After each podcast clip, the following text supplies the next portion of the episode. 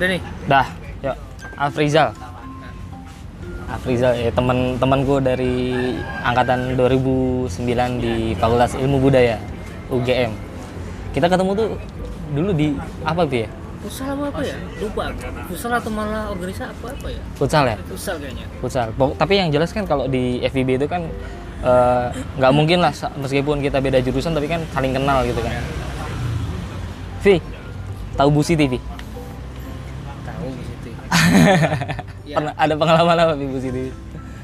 Eh, kalau Bu Siti sih ya tahu itu ya apa namanya eh, makan murah di situ gitu ya terus ya dulu nggak ngerti maksudnya gitu ada yang barang yang murah ya udah pokoknya makan di situ cuman habis itu kan macem-macem lah katanya apa namanya Apa? Oh, isu, isu. tirem lah atau apalah gitu-gitu kan tapi ya sampai sekarang yang udah makan di situ juga masih hidup ya udahlah kalau kita kan anak Jogja kan Ada yang udah ada jadi yang, orang. ada yang murah pokoknya ya udahlah gitu tapi nggak terlalu sering juga sih situ cuma berapa kali pernah diajakin gitu Emang istimewanya apa di situ? gimana Istimewanya menu masakannya tuh apaan? Yang yang bikin anak-anak eh, ke situ terus murahnya tuh karena apa gitu? dulu itu ini ya kalau nggak salah dulu tuh uh, murahnya itu kan karena kalau uh, terutama kalau nasi sayur ya itu se Indonesia Raya tuh harganya berapa dulu ya tiga ribu apa lima ribu lupa nasi sayur Aku, doang aku dulu pernah makan nasi ayam jus cuma enam ribu. oh iya iya iya ya, pokoknya pokoknya murahnya aja sih sebenarnya kalau kalau kalau rasanya itu enak kalau menurutku nggak ada beda sama yang Untuk mahasiswa, untuk mahasiswa udah. iya itu udah enak aja gitu loh dan murahnya itu sih yang menurutku lebih ini banget apa namanya gila dan pas pertama masuk itu kan apa kaget gitu dari kan dari luar Jawa ya nggak pernah ngelihat konsep apa namanya rumah makan ramesan tuh yang ternyata yang lauknya itu Indonesia Raya gitu Wih, ini makanan semua isinya gitu kan. Terus di dalam tuh kayak buset rame banget gitu kan. Sampai makannya di trotoar. Iya gitu kan gila banget gitu kan ternyata dulu sempet pas saya ini apa sih gitu itu Bu Siti itu gitu kita ke sana gitu ternyata bisa gitu ya rame banget pokoknya rame banget dan Itu hal yang beda dari tempat asal. jelas pasti nggak ada yang kayak gitu di sini Di Bengkulu belum Nggak belum ada, belum. nggak ada Dan saya nggak tahu itu gimana caranya bisa ada makanan semurah itu Dan dan dan kamu jadi salah satu orang yang terdistract eh, dengan isu-isu itu juga. enggak sih Enggak juga. Enggak. Tetap hajar ya. tetap hajar tetap Karena murah dan Murah. Kalau makan siang rame-rame tuh seru kan? seru sama teman-teman meskipun makannya makannya tuh di trotoar di depan rumah-rumah dosen. Nah, Karena ja- buk- di situ soalnya kan ini eh, apa? nggak boleh kan sebenarnya disuruh jualan. Oh, di iya. perumahan dosen tuh nggak boleh apa? Makanya Bu Siti pindah gitu loh. Bukan karena isu apa? Ayam ayam tiren atau apa bukan. Tapi faktanya memang pindah karena nggak diizinkan kan untuk membuka lahan bisnis di situ tapi tetap aja ada dosen yang buka kos kosan ada dosen yang buka untuk usahanya kayak gitu ya kalau isu gitu se- sebenarnya dulu kan waktu kalau dengar gitu tuh gini sih aku mikirnya gini kalaupun namanya itu memang seperti itu aku bilang ya udah bodo amat mau mau murah gitu kan Lah iya. ya lu mau murah Kantong mahal. ini gitu kalau misalnya terus misalnya ternyata murah dan ternyata nggak seperti itu emang ya mungkin hitungannya sedekah buat itu ibu kan sedekah buat emasnya makanya dia rezekinya makin lancar yang penting gitu pas kan. makan baca doa Iya. itu buat amanin Bukan. kamu dari Bengkulu? Ya Bengkulu. Asli? Asli asli Bengkulu sebenarnya asli Bengkulu. Lahir Bengkulu juga soalnya. Waktu ke Jogja tuh naik apaan pesawat waktu itu pesawat. Iya pesawat. Dari Jogja Jakarta Jakarta Jogja. Itu eh sorry Bengkulu Jakarta Jakarta Jogja. Itu pertama kalinya di Jogja atau sebelumnya Nggak, udah sebelumnya udah berapa kali karena kan sebenarnya mbah orang sini. Ibu tuh asalnya dari Jogja sebenarnya. Jadi ada saudara saudara di sini jadi sempat beberapa kali udah pernah ke Jogja. Kalau liburan tuh ke Jogja. Jadi Jogja sebenarnya sebelumnya bukan hal yang asing ya eh, untuk Jogja sendiri. Cuma kehidupan mahasiswa Jogjanya itu yang jelas-jelas something new lah benar-benar baru buat aku. Ngekos apa? Nggak dulu tinggal di rumah mbah. Terus sempet pindah kemudian ngekos karena mbah waktu itu meninggal kan. Meninggal tahun 2010 jadi sekitar cuma cuma sama mbah hidup bareng sama mbah tuh sekitar cuma 3 4 bulan lah habis itu mbah meninggal. Terus eh, sempet tinggal di rumah itu untuk beberapa lama mungkin hampir setahun terus saya pindah ngekos soalnya tante mau pindah ke sana tante sekeluarga gitu kan karena dia perlu rumahnya yang lama gitu dikontrakin bagaimana terus dia perlu perlu pindah ke situ. Terus sempat ngekos juga terus sempat lagi balik ke sana lagi sempat tinggal jadi di rumah di di rumah mbak saya itu ada rumah om juga di belakangnya saya tempat tinggal di situ. Jadi bolak balik sih pernah ngekos pernah. Mumpung mumpung masih bujang juga jadi gampang kan. Terus ngekos di mana?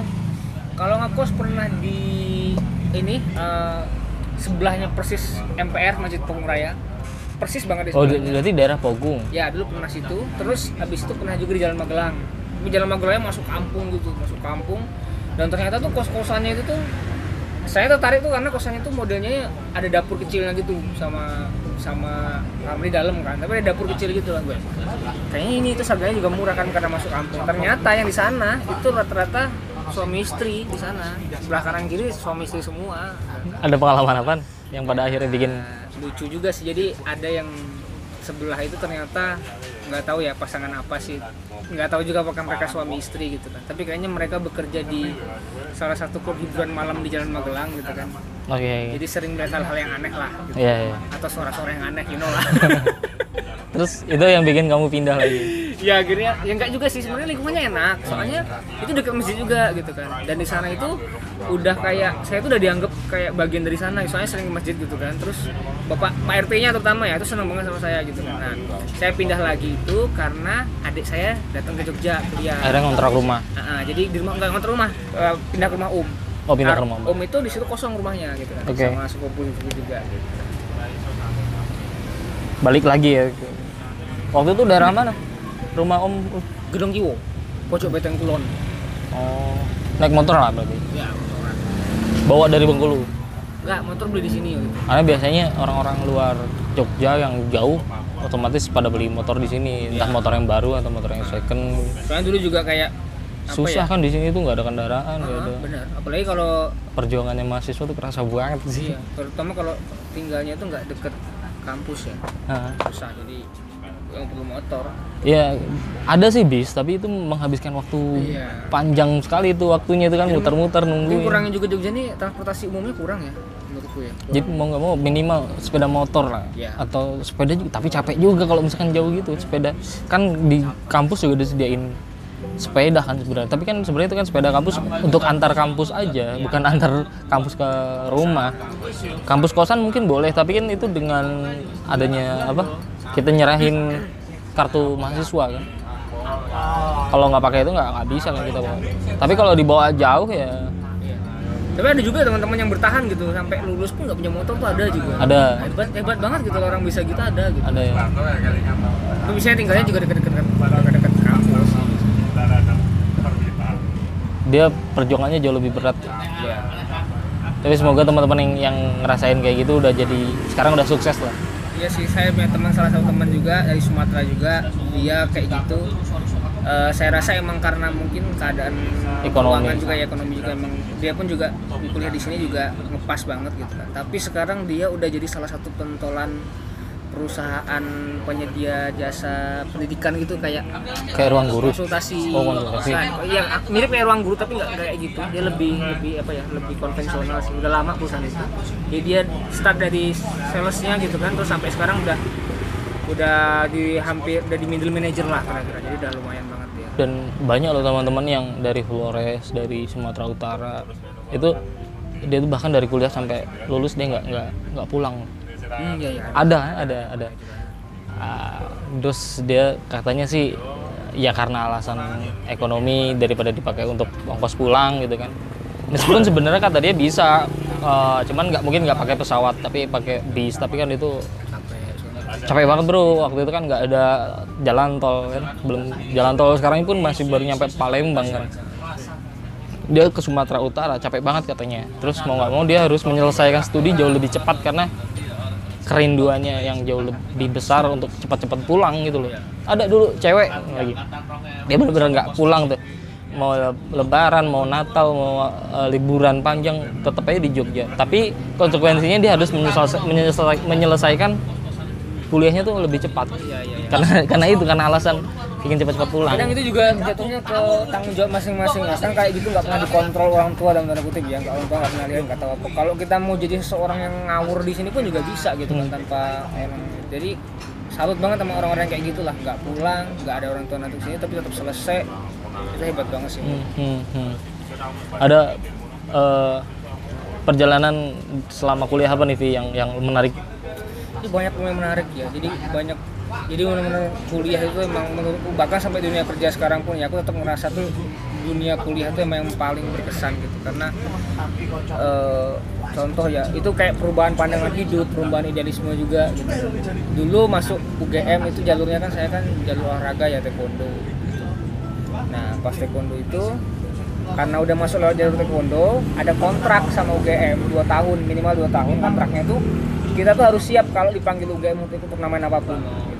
Bahkan kasarnya tuh in extreme way gitu. Kalau kita harus bentrok dengan jadwal kuliah ya kalau ada turnamen ya kita berangkat turnamen gitu loh. Jadi kayak sampai sampai segitunya gitu.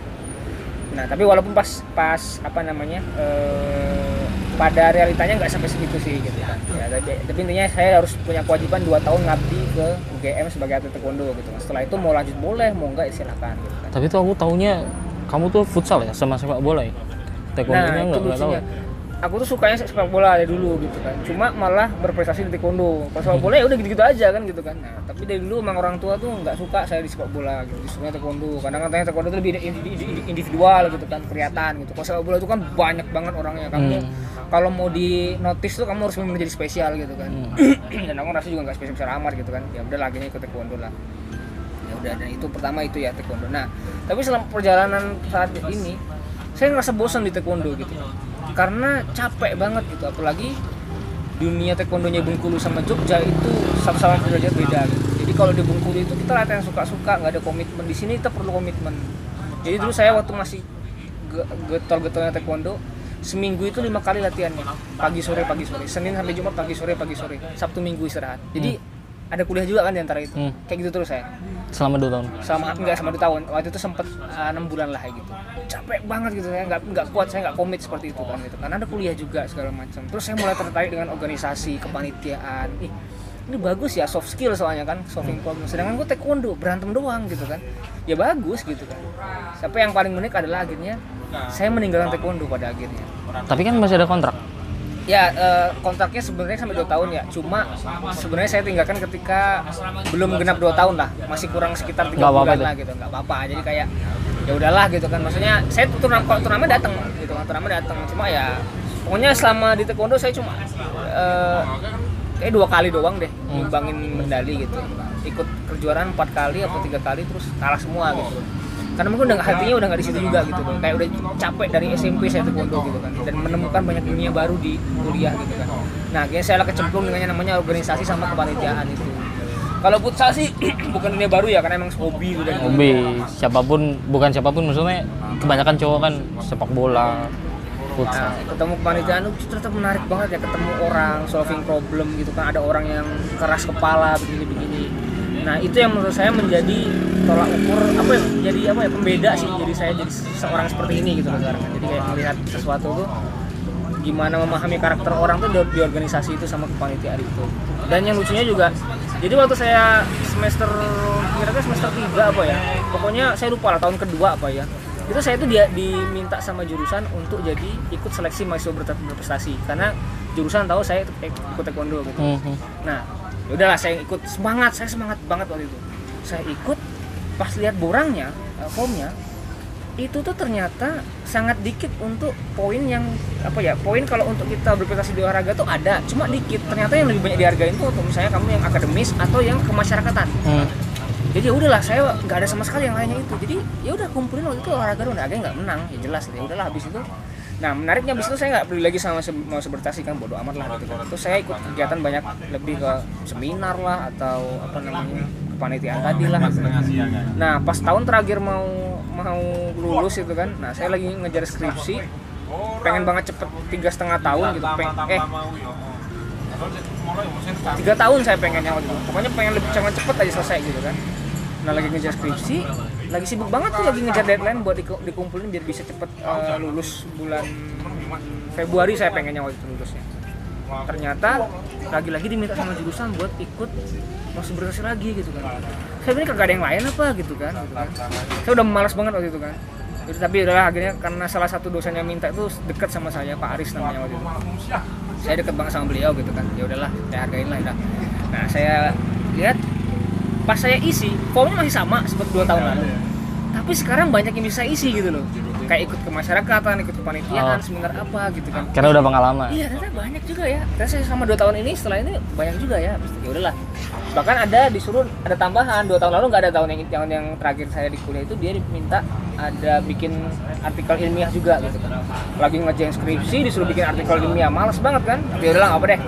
Kerjain disapit eh ternyata menang. Nggak tahu menang. Pas lagi itu saya ingat banget momennya pas saya lagi main futsal turnamen liga ini jurusan kan.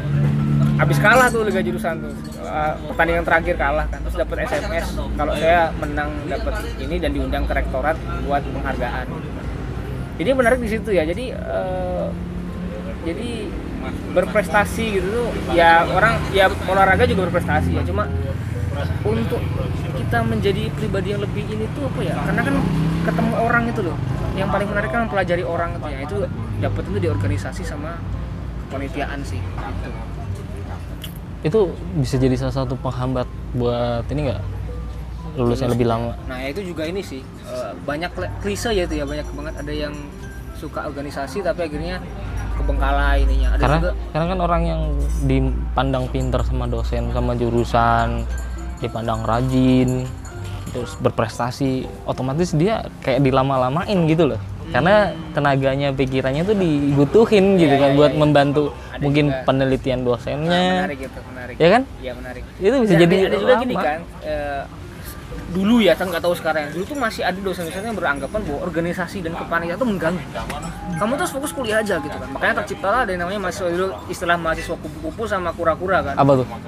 Kuliah pulang kuliah pulang sama Kuliah. kuliah rapat kuliah rapat gitu kan kuliah pulang kuliah pulang itu yang katanya nerd itu ya itu biasanya IP-nya tuh tiga setengah ke atas lah Oke. gitu kan gitu kan sama yang Pura-pura tiga setengah ke bawah. Nah, itu yang apa katanya apa namanya apa eh, apa sih namanya Eh, kalau kuliah dapat C itu besoknya minta apa lagi namanya Rem- remet.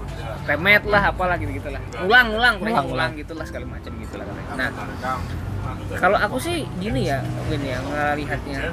Aku tetap nomor satu kuliah emang tak tak terus kuliah. Karena bapakku itu ngirim aku ke situ dia pengen aku lulus kuliah gitu. Jadi tetap nomor satu aku tetap tahu kuliah dulu pokoknya. Jadi makanya targetku tuh aku juga punya target IP itu minimal tiga gitu kan. Harus gitu kan. Jadi malah dapat alhamdulillah lebih dari itu kan. Pokoknya tetap kuliah tugas kuliah kalau saya tabrakan sama organisasi nggak bisa. Saya harus kuliah dulu gitu kan. Nah tapi di situ justru mengajarin. Karena saya pengen banget organisasi jadi gi- gimana caranya saya selesaiin dulu yang wajib dulu gitu jadi kayak seolah saya organisasi kemarin itu jadi hobi saya juga gitu nah sebelum saya ngelesain hobi saya harus selesaiin dulu yang utama nih gimana pun caranya gitu nah di situ yang tak yang yang tak tekankan bahwa bukan organisasi yang mengganggu gitu, tapi selesaiin dulu kewajibanmu baru kamu bisa main hobimu gitu Hmm. aku kayak gitu mindsetku dan alhamdulillah ya berjalan gitu dan, dan bisa gitu. Dulu kenapa milih sastra Inggris? Nah itu juga. Sastra Inggris sebenarnya bukan pilihanku ya. Jadi Siapa? klasik klasik gini ya. Dulu kita kalau SMA tuh kayak pilihan kan. Pengen ini pengen itu. Pilihan kedua ketiga apa? Alah ini aja deh gitu kan. Oh. Nah, saya dulu pengen psikologi. Oke, milih tapi tetap milih psikologi. nah psikologi satu. Kan dua pilihan doang jalur Ah, agama ah. yang psikologi sama yang kedua nih bingung. Apa ya? Terus tak mikir IPA nggak mungkin lah gitu. Walaupun saya SMA jurusan IPA terus saya mikir apa ya mata pelajaran yang saya nggak pernah belajar tapi saya aman nilainya. Cuma bahasa Inggris gitu kan. Ya udahlah saya terus sastra Inggris. Tahu saya nggak pernah nggak tahu sastra Inggris itu apaan gitu kan. Karena saya yakin banget gue pasti masuk psikologi pasti gitu kan. Yakin banget pasti. Pasti psikologi dapat terima. Eh pengumuman dapat sastra Inggris. Bingung saya waktu ini ngapain sastra Inggris? Belum tahu kan, belum tahu. tahu sama sekali. Dan bahkan saya sempat kecewa dan pengen nggak mau deh gitu. Uh, di saat Itu. di saat Di udah saat- di saat udah pengumuman itu. Udah pengumuman. subuh subuh saya bangun ngecek komputer di SMS teman juga kalau saya lolos sastra Inggris gitu. Ibu saya udah seneng banget bapak saya udah seneng banget ibu saya langsung su- su- syukur itu juga karena dia yang tahu dia adalah masuk UGM pokoknya gitu. Kalau aku nggak mikir UGM ya mikir jurusannya gitu kan. Apaan nih gitu kan. Hah. terus ragu aduh. Akhirnya siang itu konsultasi sama om saya yang juga dia jurusan sastra Inggris dulu.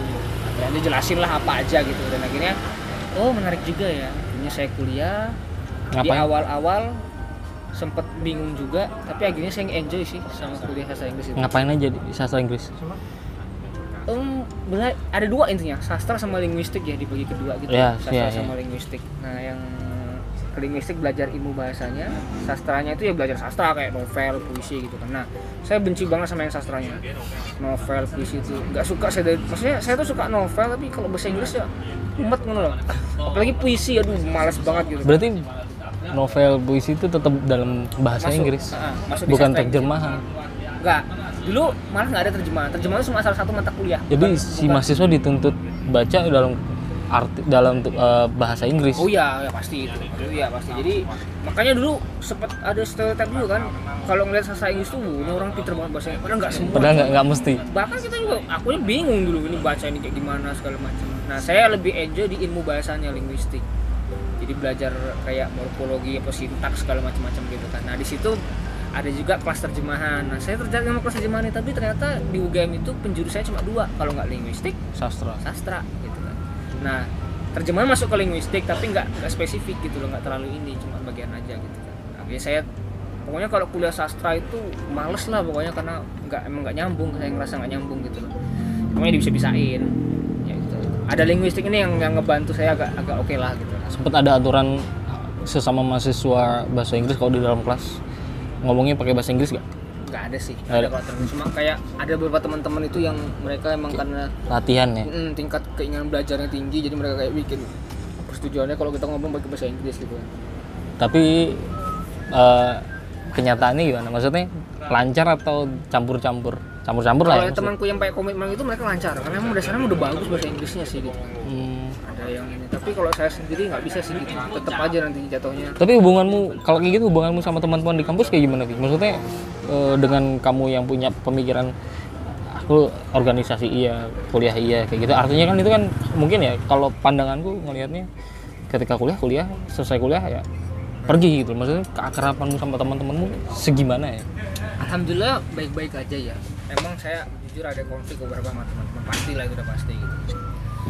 Tapi so, saat itu sih ya alhamdulillah nggak ada masalah gitu ya. karena berbeda pa- pandangan Mm-mm, pendapat. gini kan ya ketika aku aku tuh kayak bisa jadi di dua dunia gitu loh ketika lagi fokus Iya, iya. fokus kerjain kuliah ya kuliah kuliah gitu dan rata-rata pas kuliah pertama nih kalau misalnya bikin grup nih ya kalau grup grup kuliah gitu kan lucunya tuh kadang saya lebih suka gabung ke cewek-cewek kalau kuliah jujur aja itu karena enak mereka rajin juga gitu jadi kita asik gitu loh. Pernah berapa kali gabung sama teman kan saya punya kayak semua biasanya biasanya kita tuh kalau kuliah tuh ada kayak di dalam kutip kayak geng gitu lah ya. Yang teman-teman berapa orang gitu yang Iya, iya, ini iya. teman main lah Ngegeng, gitu. Nah, saya ada teman main juga tuh.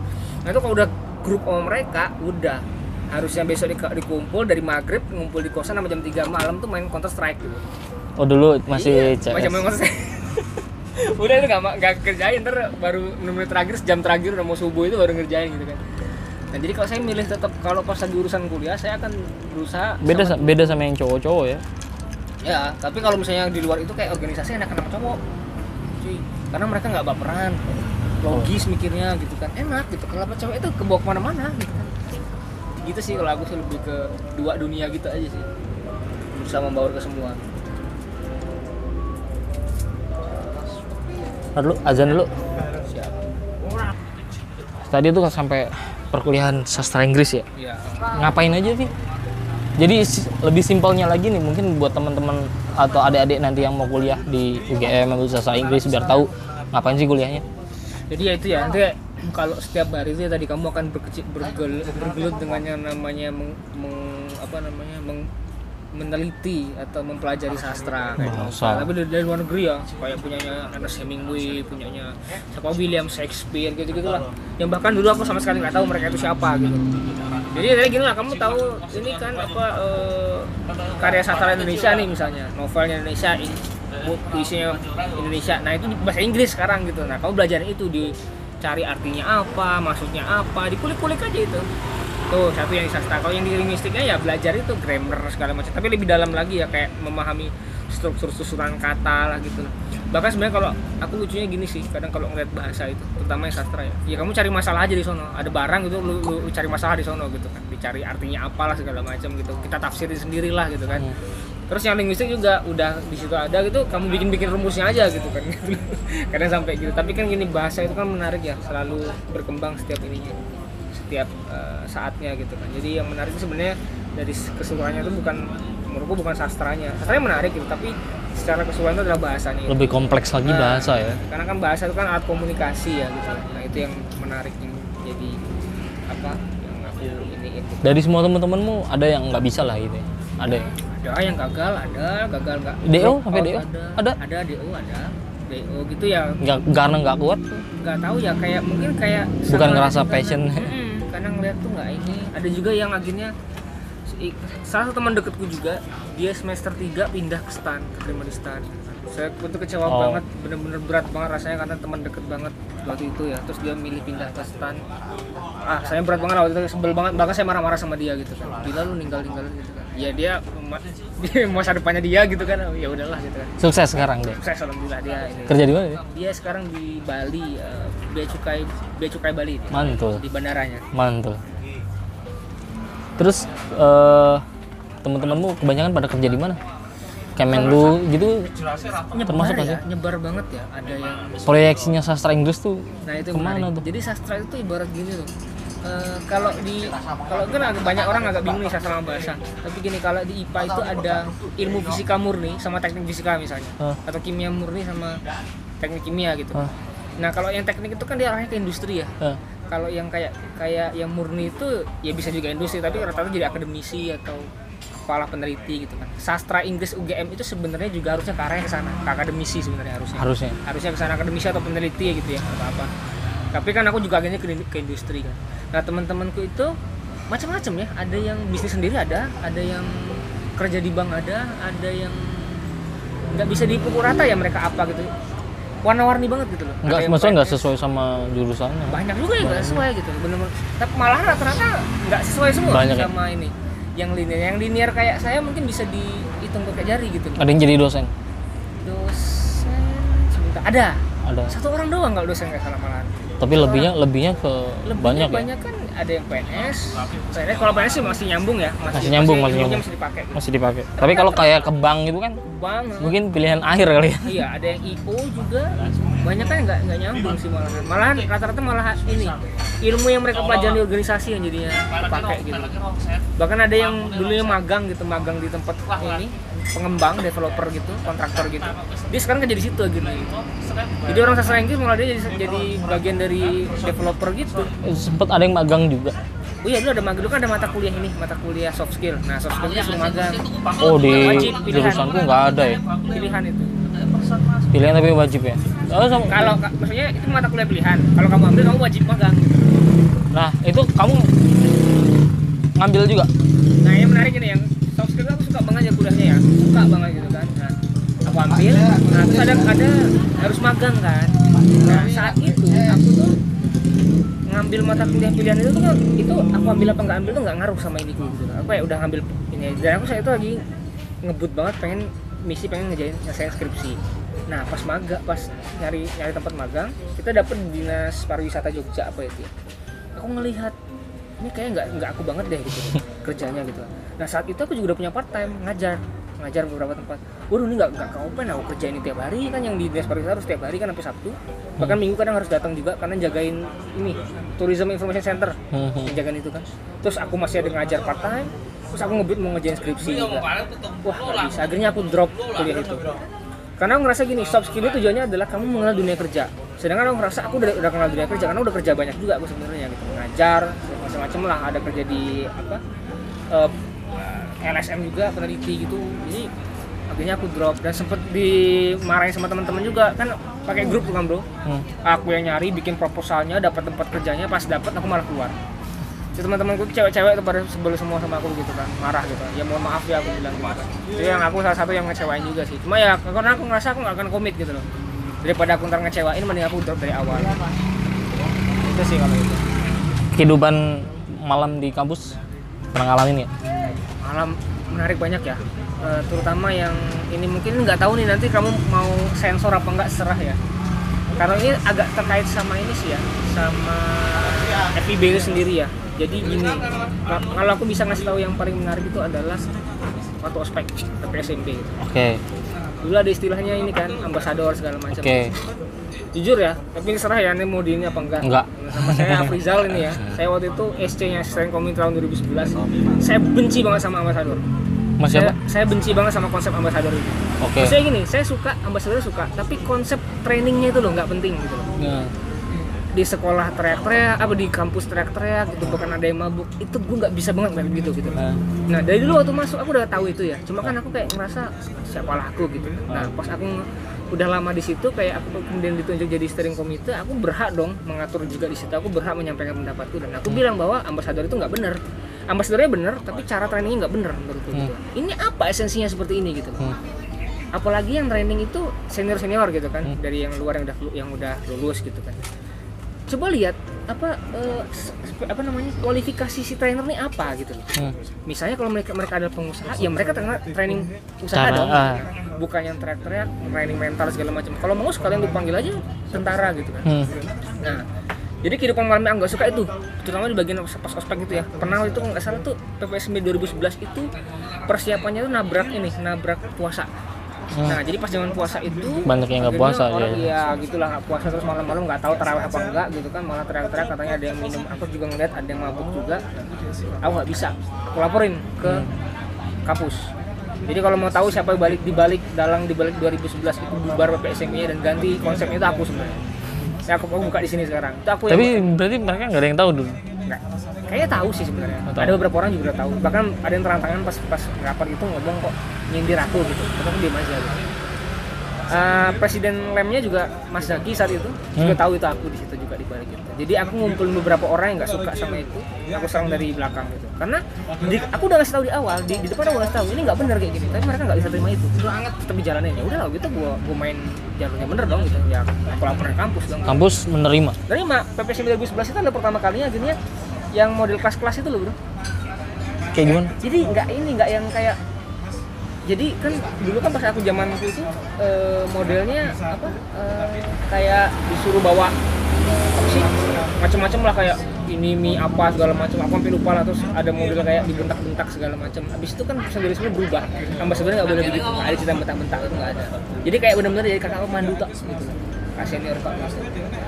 Nah, aku tuh sebenarnya aku juga ngerasa ada manfaatnya dengan yang namanya mentalitas tadi ya dibentak segala macam. Tapi aku merasa itu bukan tempatnya. Terlalu terlalu Ah, berlebihan ya. dan kualifikasinya nggak pas gitu.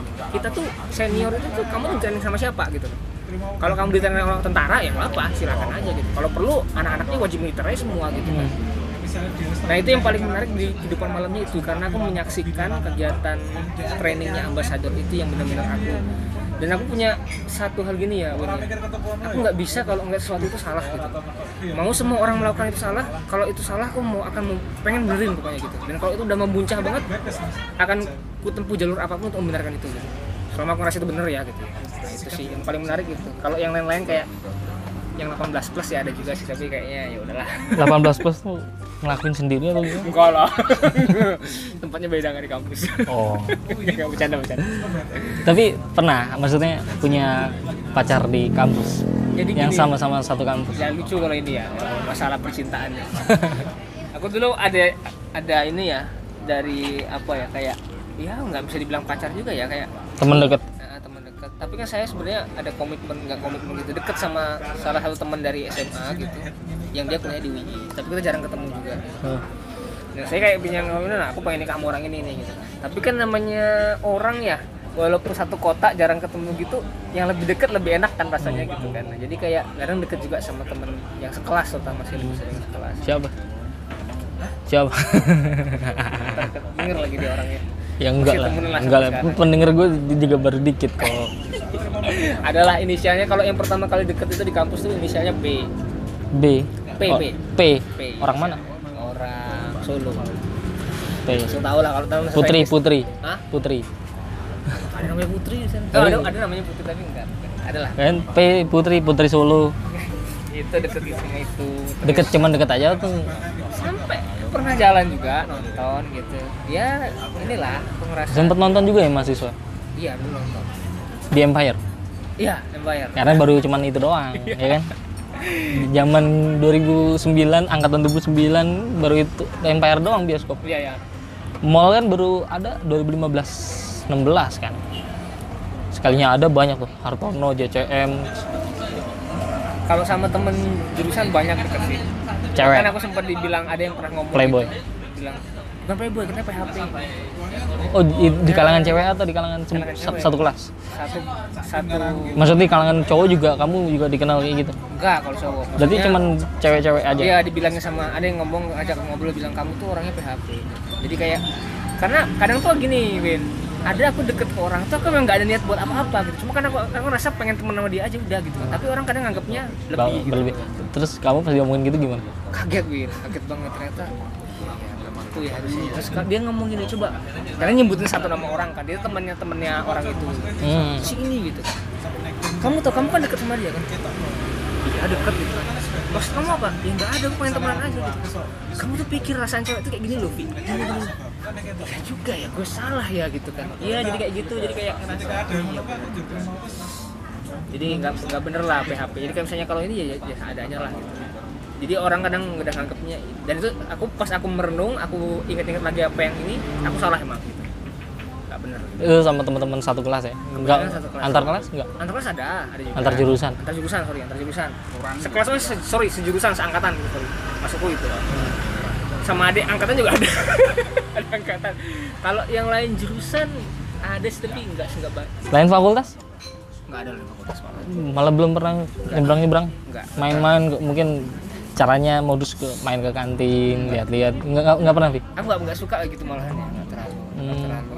Jadi emang suka di lingkungan sendiri sih. Kan yang kayak kita tahu kan ekonomi psikologi si- eh, sis apa? Fisop apa? Fis fisip. Oh mungkin karena gini Win dia dulu emang kayak gini kata orang kan gini kalau nyari cewek itu di sastra di, di humaniora sono banyakan sono gitu. Hmm. nah kita udah dikandangin sebenarnya gitu loh. Jadi kalau lu main ke arah sini sini yang ke arah utara tuh Hmm. nggak terlalu banyak sebenarnya gitu kan. Yang yang bener-bener katanya di sastra itu katanya. Lo kalau ke barat berat bro. Untuk anak-anak sastra berat kalau ke barat. Oh iya Kedok- barat. Kedokteran bro. Iya kedokteran ya tinggi banget. Mi- MIPA kedokteran. Iya iya. Selain berat di ongkos berat di pikiran kita. Berat di otak Ya, tapi aku waktu kerja aku pernah deket sama dokter loh cuy. Yang Calon dokter. Calon dokter waktu kerja tapi sebentar banget cuma tiga bulan. Ya itu baru bener aku baru kali sekali deket sama oh, di bawah dia umurnya di bawahmu atau di bawahku di bawah. Tapi beda kampus sih UMG oh ini begitu aku tahu sama dia gila kehidupannya anjir. Masa Win pas ngobrol gitu kan kita saking udah ini ya nyaman mungkin ya. Sampai buka-bukaan dia ngomong kalau uang uang jajannya berapa gitu dan dia punya tabungan berapa. Lu tahuin gue kerja hampir 2 tahun saat itu ya nggak sih setahun berapa tabungan gue itu kalah sama dia gitu loh gila gue Padahal dia dapat tabungan dari siapa? dari orang tuanya jadi katanya uang punya tuh kelebihan banget dari orang tuanya jadi tabung sama dia gitu anjir gue bilang gitu kan gue langsung kayak ngerasa waduh enggak deh gue bilang Mungkin gitu. seharusnya dia kuliah di kedokteran Jakarta maksudnya. ya U- kayak gitu lah kan dia orang. Kalimantan jadi bapaknya pengusaha gede juga di situ Oh iya, iya. begitu aku tahu background keluarganya Mundur. masih jauh banget Mundur. nggak bisa nih gue Mundur. Kita semua udah teratur Dianya dianya gimana? dia sempat nanyain maksudnya kayak karena aku eh itu model itu jeleknya gituin jadi aku mundur teratur aja nggak ngomong-ngomong gitu loh karena belum belum jadian juga saat itu Dia, dia sempat nanya gimana? ya nanya ke mana kenapa kenapa gitu ya akhirnya aku Cerita. cerita apa adanya gitu. Terus dianya gimana? ya, dia bilang aku dia kecewa banget karena dia bilang e, aku nggak gitu orangnya aku sama siapa pun dan dia ngerasa dia udah nyaman sama aku juga gitu. Ya kalau aku kan model model model bacot ya Win ya. Jadi aku nggak mau diiniin tapi aku benar karena aku waktu itu kan karena kerja pikiranku tuh udah maunya yang serius gitu. Aku nggak mau lagi main-main gitu. Nah ketika aku ngeliat kamu itu bener-bener beda keluarga background kita tuh bener-bener beda beda gitu. Nah aku takutnya nggak nggak sesuai ekspektasi keluargamu juga gitu. Kan dia bilang "Ini kecewa banget harusnya diomongin dulu gitu. Kan kayak nggak sanggup deh aku. Terus kamunya sempat ada penyesalan juga nggak? salam dan apa apa nih maksudnya? Oh, gua kenapa? Iya ya, kenapa ninggalin dia ya gitu? ninggalin secara perasaan mungkin ada saat itu ya karena kan aku juga suka sama orang itu gitu suka gitu kan Udah jadi dokter sekarang? sekarang udah Jogja gitu aku rasa ada gitu. Cuma ketika aku menikah dengan istriku sekarang aku sangat bersyukur banget ini benar-benar pilihan yang paling tepat dari Allah gitu. jadi aku merasa istriku sekarang tuh benar-benar bukan pilihanku Allah yang kasih gitu. Ah. kita kan datengin aja gitu. Dan benar-benar cocok semua. Secara latar belakang keluarga cara dia bersikap mengerti pekerjaan itu semuanya. Dan aku kayak ngelihat mantan mantanku yang dulu gitu. Aku ngelihat kalau aku jadi ama ini aku malah mikirnya gini kalau aku jadi ama ini nggak akan mungkin senyaman ini aku sekarang. Aku malah kayak gitu. Benar Allah nih ngasih aku kayak gini gitu jadi ke situ sih. Lebih Lo tempat favorit di kampus di mana, Vi? apa ya teman-teman di kampus? Hmm, mungkin kalau ngumpul sama anak-anak budaya ya? Dia jemput namanya. Di mana? jembatan budaya. Oh, jembatan. itu main kadang main kadang suka main game online sama anak-anak tuh di situ. Kalau nongkrong lainnya mungkin di kantin kantin bondin lah pasti. Seluruhan UGM nggak pernah. kalau keseluruhan gelanggang paling gelanggang. Karena taekwondo tadi ya sportnya itu kan olahraganya itu kan kalau secara mana ya? Berarti kan lu termasuk yang eh, kupu-kupu. Bisa dibilang ya? Oh ini. Ya ini apa? Apa sih namanya itu? Angkringan eh bukan angkringan burjo apa itu namanya? Bukan di UGM sih. Samyasih oh itu legend banget. Samyasih yang di Karangguni ya ya itu sering banget situ itu kayak legend banget tuh. Sampai sekarang masih ada tuh. sampai Sam- setiap kayak break kuliah sono ya kerjaannya. Gitu ya kerjanya itu nah rumahmu kan jauh. Nah, berarti kalau break kuliah gimana tuh? Nah, dulu masa mau, mau ini mau apa? Pulang ya. Pulang pergi pulang semester satu aku gituin. Pulang aku. Sampai sama temenku yang temenku yang masuk stan yang akhirnya pisah sama dia nggak lanjutin di kuliah ini saya itu ngomong ini? Kowe ki raisit kowe ki gila nih. Kayak nggak punya temen aja pulang-pulang. Ya emang dulu kan aku kayak ngerasa bener-bener apa introvert gitu loh pas awal-awal. Aku ya akhir-akhirnya karena udah ketemu teman nggak pernah pulang. bahkan kan tahu sendiri akhirnya dari pagi ampun sampai malam baru besoknya lagi balik atau gimana gitu. Seru ya? iya kayak nginep di kosan temen seru banget Seru ya? serius. Kangen? Jadi kalau iya bener serius. Kalau ngomong gini gue jadi ingat-ingat lagi zaman dulu ya. Asik banget ya gitu. Enaknya kuliah di luar kota gitu ya? Hmm, kayak hidup tuh kayak ya lu brok brok loh duitnya nggak banyak. Cuma kira kayak happy aja gitu. Mungkin Kayak beda kalau misalkan punya rumah sendiri di sini beda kali ya? Beda pasti beda sih. Dan yang bikin kamu pandangannya UGM di matamu di mata keluargamu?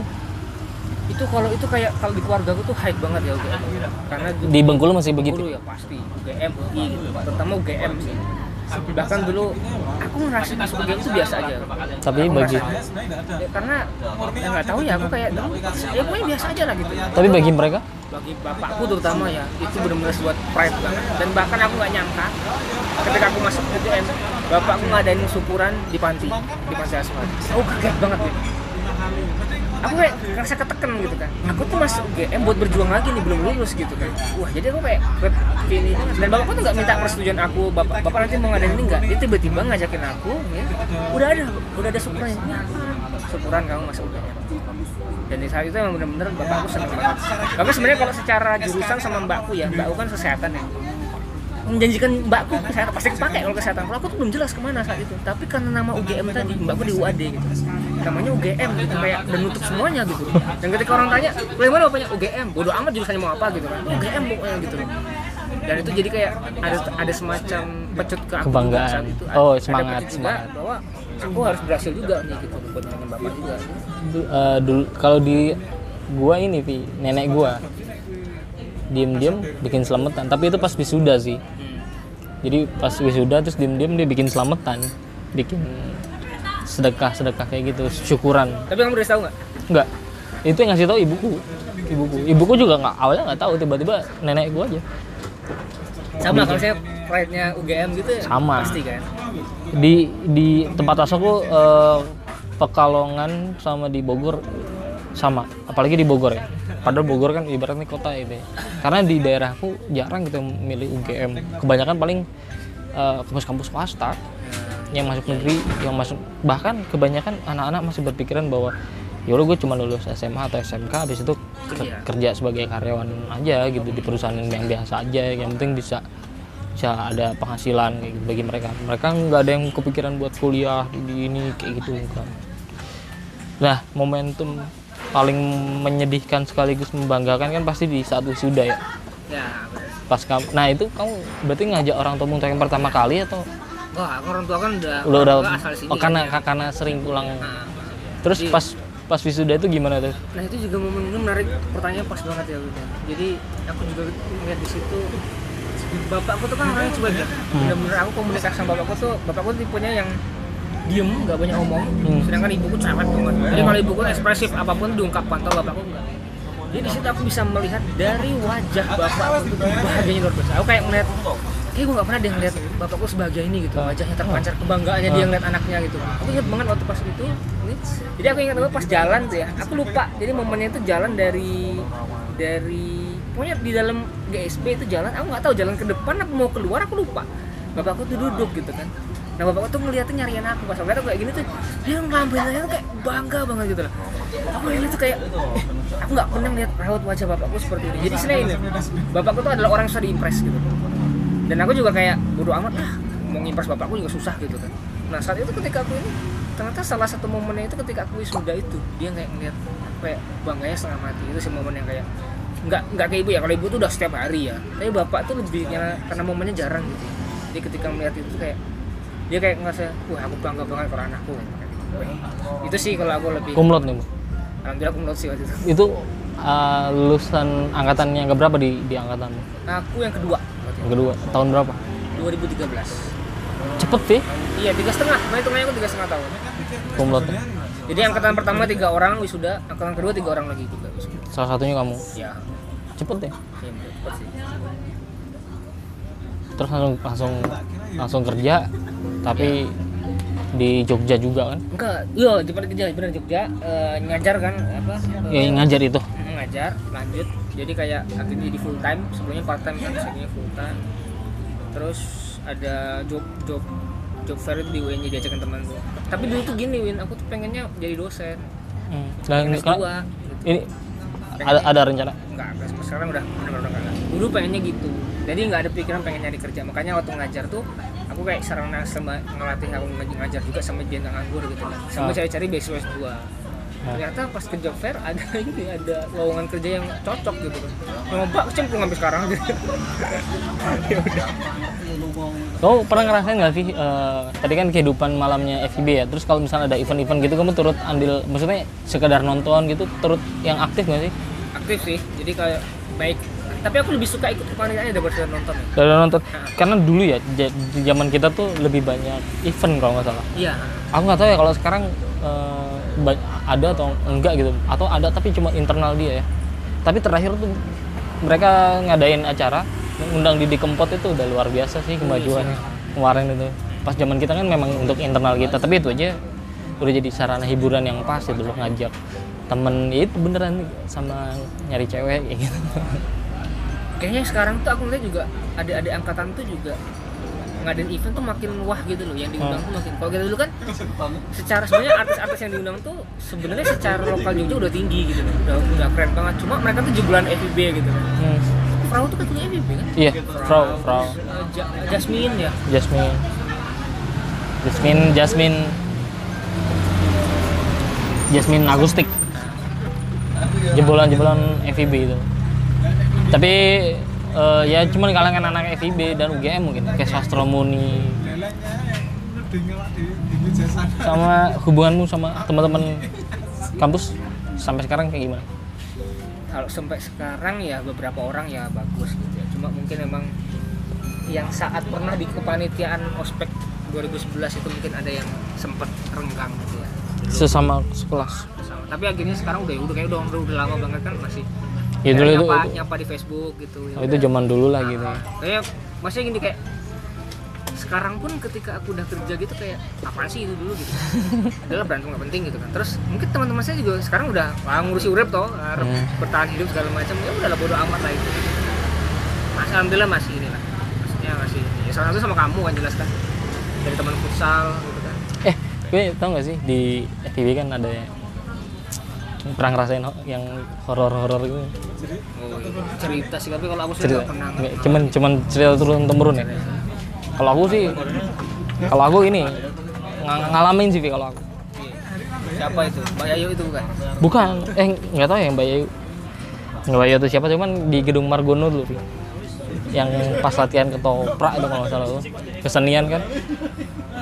Eh jadi nggak ada pohon pohon melati atau apa gitu, tapi di situ bau harum gitu loh. oh kalau bau aku sering Abis maghrib kalau bau aku sering Kamboja eh Kamboja apa melati ya? Nah kalau bau ya setuju aku pernah. Itu loh. Pernah aneh-aneh gitu bau. Terutama di bagian ini yang dulu ada pohon antropologi itu loh di arah sana tuh. Itu bau itu situ tuh. Nah, antropologi kan itu kan di pojok banget Heeh. dan memang terkenal kan horor. Tapi kalau kayak ngerasain merinding atau saya ngeliat itu nggak pernah. Paling cuma dapat cerita-cerita aja tapi legendnya Mbak Yayu itu ya siapa pun tahu ya pasti Tapi tuh ini gimana sih tuh?